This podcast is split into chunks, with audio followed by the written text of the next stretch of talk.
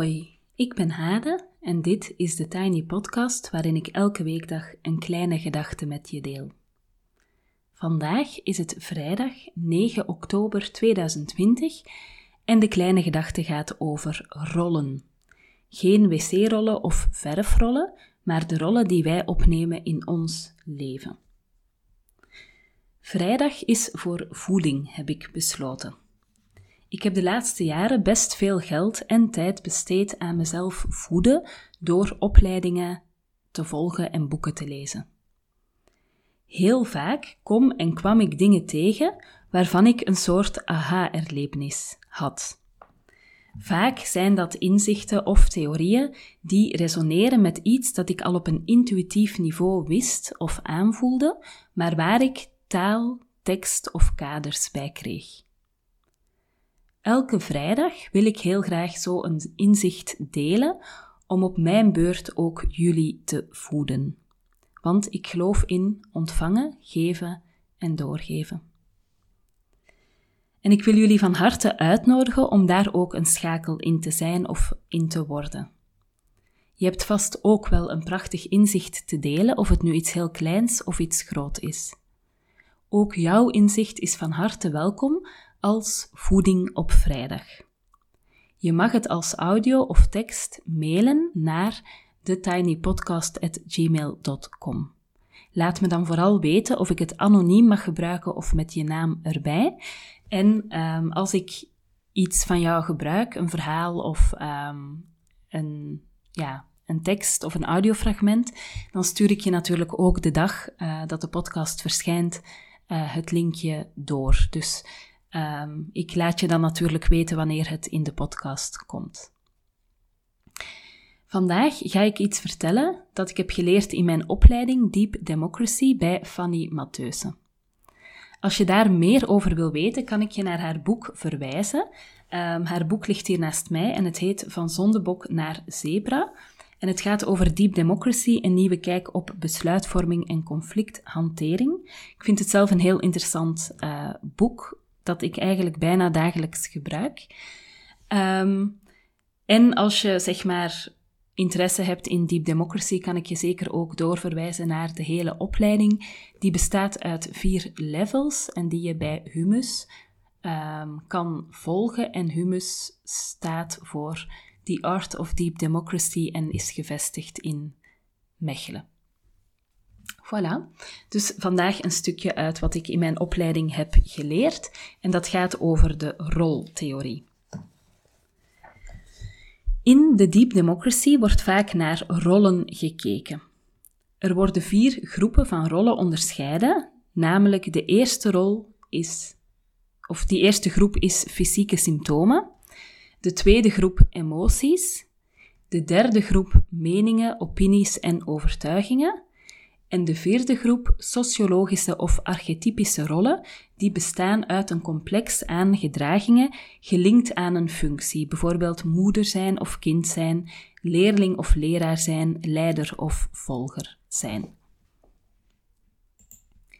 Als individu neem je bepaalde rollen op je, maar je valt niet samen met een rol. Je kan op het werk bijvoorbeeld een leidersrol opnemen, maar bij je vrienden eerder volgend zijn. Je kan in een groep de rol van gangmaker hebben en thuis kan je misschien eerder de stille zijn. Het is heel belangrijk te beseffen dat je identiteit niet samenvalt met je rol, zelfs als één rol heel dominant is in je leven. Zo sprak ik laatst voor een interview een leraar die bestuurder was geworden van een grote scholengroep. Hij ging bij de brandweer en hij keek er ontzettend naar uit daar gewoon deel te zijn van het team. En hij gebruikte daarbij het beeld van achterin die brandweerwagen kunnen zitten, tussen de andere mannen, uh, een soort team, een club zijn met elkaar, die uh, op touw wordt genomen, naar een bepaalde situatie wordt gebracht en daar met elkaar um, ja, een rol te vervullen heeft, namelijk het blussen van een brand of het weet ik veel wat. Uh, of het assisteren bij een ongeval, uh, of de afwikkeling van een ongeval bedoel ik natuurlijk. Dus hij gaf expliciet dat beeld van het achterin de brandweerwagen tussen de andere mannen zitten en eigenlijk uh, deel uitmaken van een groter geheel. Echter was hij daar omwille van zijn leidinggevende kwaliteiten ook tot commandant gepromoveerd. En ook in het interview dat ik met hem had, was hij heel erg in de lead. Hij had bijvoorbeeld zelf voorstellen voor foto's bij het artikel, wat iets is dat normaal gezien wordt opgepakt door de hoofdredacteur en waar ik zelfs als journalist meestal weinig mee te maken heb, laat staan dat de geïnterviewde daar zelf initiatief in moet nemen. Bij deze man viel de rol van leider, door zijn kwaliteiten waarschijnlijk, dus heel erg samen met zijn identiteit en stiekem hoop ik voor hem dat zijn vrouw thuis de broek draagt. In een groep, en een groep kan een team zijn, een gezin of een vriendengroep of alle andere soorten groepen, zie je jezelf misschien plots een rol opnemen die niet van jou is. En dat heeft ermee te maken dat um, er in groepen, dat er rollen zijn in de energie van een groep. Um, en dat die rollen eigenlijk dan bezet kunnen worden door personen. Um, en dat dus die rol niet door jou wordt meegebracht, maar dat die eigenlijk al in de groep circuleert of aanwezig is. Als je bijvoorbeeld in een team kijkt waar de officiële leidinggevende zijn rol niet goed bezet. Stel je voor dat de officiële leidinggevende heel veel buiten de organisatie werkt en heel veel op de buitenwereld gericht is, dan zie je dat in een team een rol vaak wordt overgenomen door een niet-officiële leider en dat, het, en dat dat heel veel verwarring en gedoe tot gevolg heeft. Um, ik heb ooit gewerkt uh, op een plek waar uh, zo'n situatie speelde. En waar je eigenlijk zag dat er twee personen um, de niet-officiële leiderschapsrol uh, opnamen. En toen ontstond er echt een hele complexe situatie met allerlei vergaderingen en overlegmomenten die georganiseerd werden door de niet-officiële leiders. Um, waar wij als collega's dan de keuze moesten maken naar welke vergaderingen ga je wel en welke niet. Uh, want je kan natuurlijk ook niet heel de tijd naar vergaderingen gaan. Uh, en dat ging ook zo ver dat zelfs de locatie, de stad, de plek waar die vergaderingen uh, georganiseerd werden, dat dat zelfs een soort van, ja, een onderdeel was van die strijd om het leiderschap. En dat gaf echt in het team een bepaalde verwarring, ook uh, een situatie waarbij loyaliteit um, begon te schuiven. Um, en bijvoorbeeld de dingen die besproken moesten worden, niet altijd met de juiste persoon uh, in het juiste verband uh, besproken werden. In een gezin kan hetzelfde gebeuren. Toen ik zelf, uh, ik ben, wacht hè, ik ben in 2018 in juli bevallen van een tweeling. Daarvoor, ben ik twee jaar, uh, daarvoor was ik een hele tijd uh, thuis, um, omdat ik een moeilijke zwangerschap had en veel bedrust moest nemen. En na de geboorte van de tweeling ben ik ongeveer een jaar thuis gebleven. Um, dus ik had heel sterk het idee dat ik heel aanwezig was geweest in mijn rol als moeder, dat ik zelfs bijna samenviel met mijn moederrol. En op een bepaald moment uh, werd het voor mij heel belangrijk om die rol van moeder um, een stukje um, te reduceren en weer een eigen project op de rails te krijgen. En dat werd dan de ontwikkeling van mijn bedrijf, wat heel veel aandacht en energie van mij vroeg. Um, daardoor kwamen er delen van mijn moederrol vrij thuis. Uiteraard ben en was, was en ben ik nog steeds de moeder in ons gezin, maar doordat ik minder aanwezig was, kwamen bepaalde zorgtaken bij Pieter terecht. Um, toevallig was het ook zo dat uh, de corona toen net, uh, ja, die hele coronasituatie net begonnen was, waardoor hij in plaats van vier keer per week om zeven uur de deur uit te gaan en om vijf uur terug te komen, um, was hij elke dag gewoon thuis aan het werk. Dus de situatie was dat ik veel vaker weg was, want ik heb een kantoortje waar ik wel gewoon nog naartoe kon. En dat hij eigenlijk bijna permanent thuis was. Um, en dat hij daardoor uh, een soort inhaalslag kon maken in het ouderschap en in de zorgtaken. Op zich zou je zeggen, fijn dat dat zich reguleerde, maar dat begon natuurlijk ook een bepaalde spanning uh, te geven. Bijvoorbeeld Pieter um, ontbeet altijd met de kinderen, want ik werkte dan in die eerste coronaperiode van vijf uur s ochtends tot half negen, zodat hij gewoon van half negen tot vijf kon werken. Maar hij deed altijd de ochtendshift en het ontbijt. En hij begon mij dus, op momenten dat ik wel een keer thuis was bij het ontbijt, begon hij mij dan op te dragen hoe, hoe ik de dingen moest aanpakken s ochtends, uh, naar aanleiding van hoe hij de dingen had ontwikkeld. Um, er werden ook bijvoorbeeld opmerkingen gemaakt over mijn uithuizigheid. Hè, zo dingen als Moeke gaat werken, Moeke gaat altijd werken. Um, en dat triggerde mijn feministische reflexen behoorlijk. Want ik was natuurlijk gewoon gaan werken op de momenten dat ik er niet was. Dus het was niet zo dat ik een of andere, nou ja, ja, dat ik ging feesten of mijn hobby's ging uitoefenen. Dus ik vond het heel legitiem dat ik weg was om mijn werk te doen. En ik vond het zo heel typisch dat dat dan benoemd wordt als een vrouw weg is om haar werk te doen, of vaker weg is om haar werk te doen. Want ik heb het idee dat dat bij vrouwen toch, uh, bij mannen veel minder benoemd wordt. Dat het veel vanzelfsprekender is uh, dat een man weg is om te gaan werken. Kortom, dat is een voorbeeld van hoe in ons gezin um, die moederrol een stukje uh, beschikbaar werd en dat Pieter die zorgtaken begon over te nemen maar dat dat ook veel spanning en onduidelijkheid gaf. En er gebeurde in die periode ook iets heel grappigs, want uh, Pieter begon toen ook heel vaak zo te zuchten en te kreunen dat hij weinig ruimte had voor zichzelf en dat hij uh, veel met de kinderen bezig was. En ik dacht dan, nou ja, daar ben je zelf bij. Je kan toch kiezen om iets voor jezelf te doen, om, um, weet ik veel, om de deur uit te gaan en te gaan hardlopen. Uh, dat kan ik niet in jouw plaats doen, dat moet je maar zelf doen. En als jij daar geen initiatief in neemt, dan uh, kan ik daar verder weinig mee. En ik realiseerde me dat dat dus een patroon was dat we uh, het jaar voordien, toen ik thuis was met de kinderen uh, en hij uit huis ging werken en ook gewoon zijn hobby's kon aanhouden, dat we toen heel vaak hadden, dat ik een soort van, um, ja, toch regelmatig klaagde dat ik alleen maar met de kinderen bezig was en dat hij dan reageerde van, ja, dan moet je andere keuzes maken, dan moet je ook gaan hardlopen of dingen voor jezelf gaan doen. Dan moet je maar babysit nemen, dan moet je dat maar regelen of dan moet je dat maar met mij afspreken. En dat ik toen vaak heel geïrriteerd was, uh, omdat hij dat zo simpel voorstelde. Terwijl ik dus op een bepaald moment, toen de rollen zich wat omdraaiden en ik uh, ja, eigenlijk een stukje van die moederrol bij hem, of dat hij een stukje van die moederrol bij hem was komen te liggen, dat we dan eigenlijk het omgekeerde effect hadden en dat ik dan dacht, zeur niet zo, um, doe er gewoon wat aan. Dus daar had ik misschien een heel mannelijke reflex naar hem toe. Um, ik geef nog enkele voorbeelden van hoe je een rol kan opnemen in een gezin, een familie, een groep enzovoort. Ik zei daarnet dat een rol ook een mening, een opinie, een overtuiging, een emotie of een fysiek symptoom kan zijn.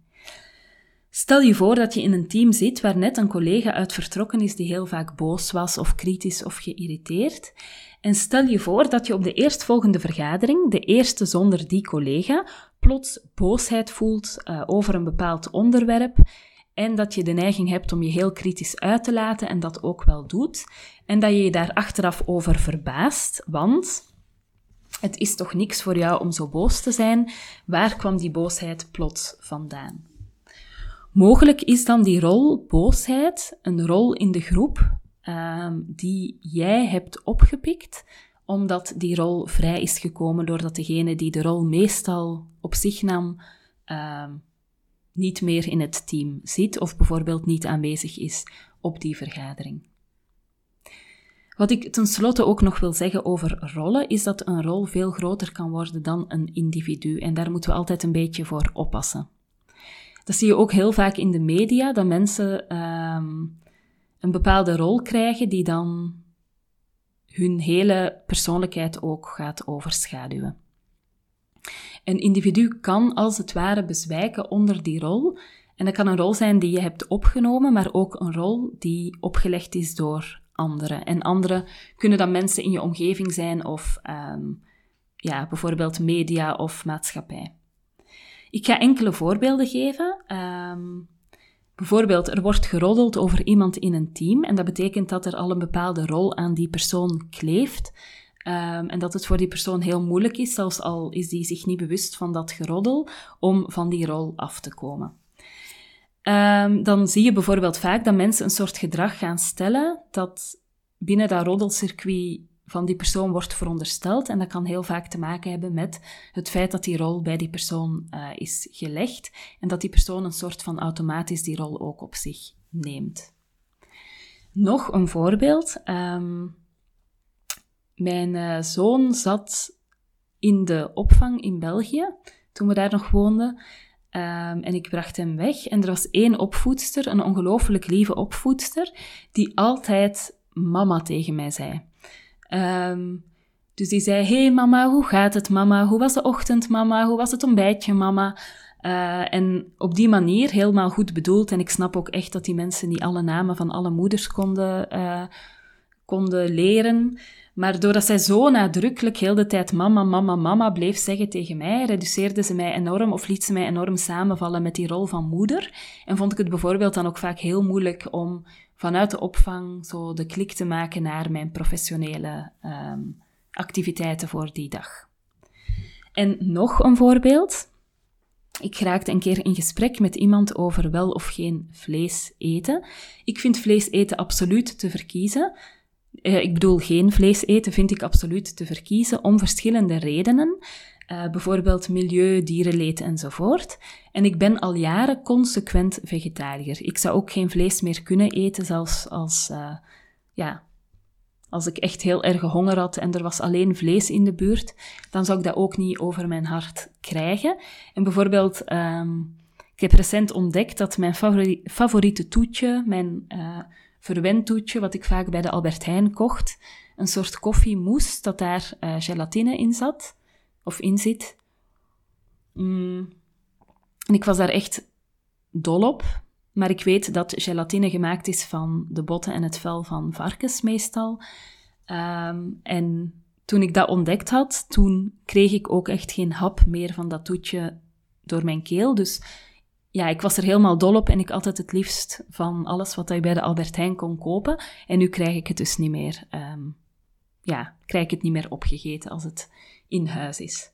Kortom, ik ben consequent vegetariër, maar ik heb niet echt de behoefte anderen te overtuigen van mijn gelijk. Uh, ik ga er eigenlijk altijd van uit dat andere mensen ook gewoon volwassen mensen zijn die, of ja, als het dan over volwassen mensen gaat natuurlijk, die gewoon hun eigen keuzes maken en um, dat zij ook goede redenen hebben voor hun eigen keuzes en dat ik daar verder niet heel veel mee te maken heb.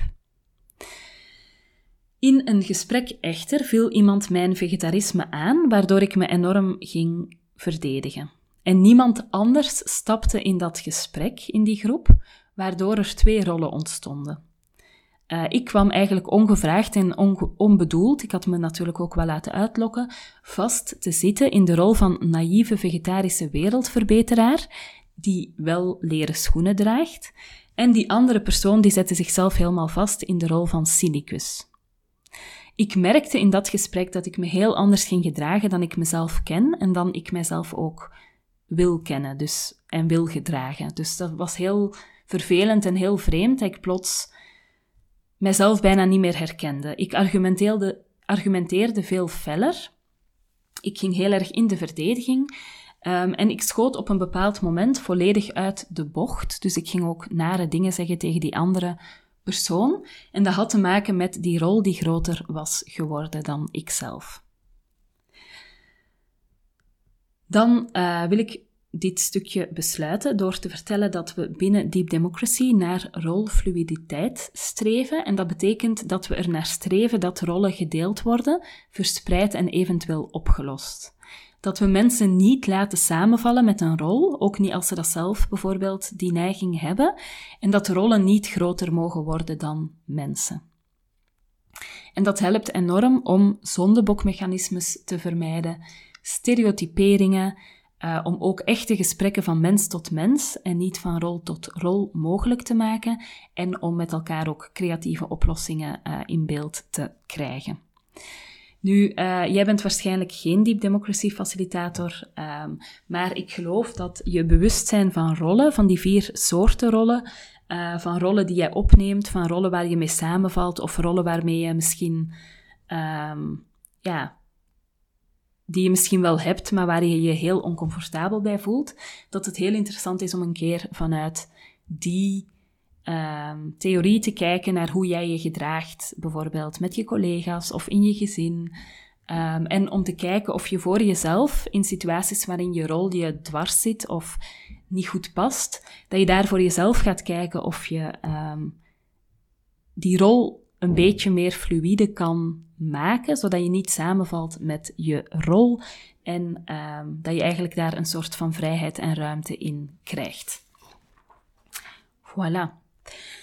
Als dit inzicht bij, jij, bij jou resoneert, dan mag je het mij altijd even laten weten. Reacties zijn zeker welkom op Instagram, TheTinyPodcast, of via mail, thetinypodcast.gmail.com. Ik vind het ook ontzettend fijn als je uh, deze podcast deelt op je socials. Um, en dan kan je mij even een tag geven en dan deel ik het ook weer in mijn stories bijvoorbeeld. Tot zover de Tiny Podcast voor vandaag. Je kan me volgen op Instagram, TheTinyPodcast. Je helpt me door deze podcast wat sterretjes te geven op iTunes, een review achter te laten en of hem door te sturen aan iemand anders die er misschien ook graag naar luistert. Fijn weekend!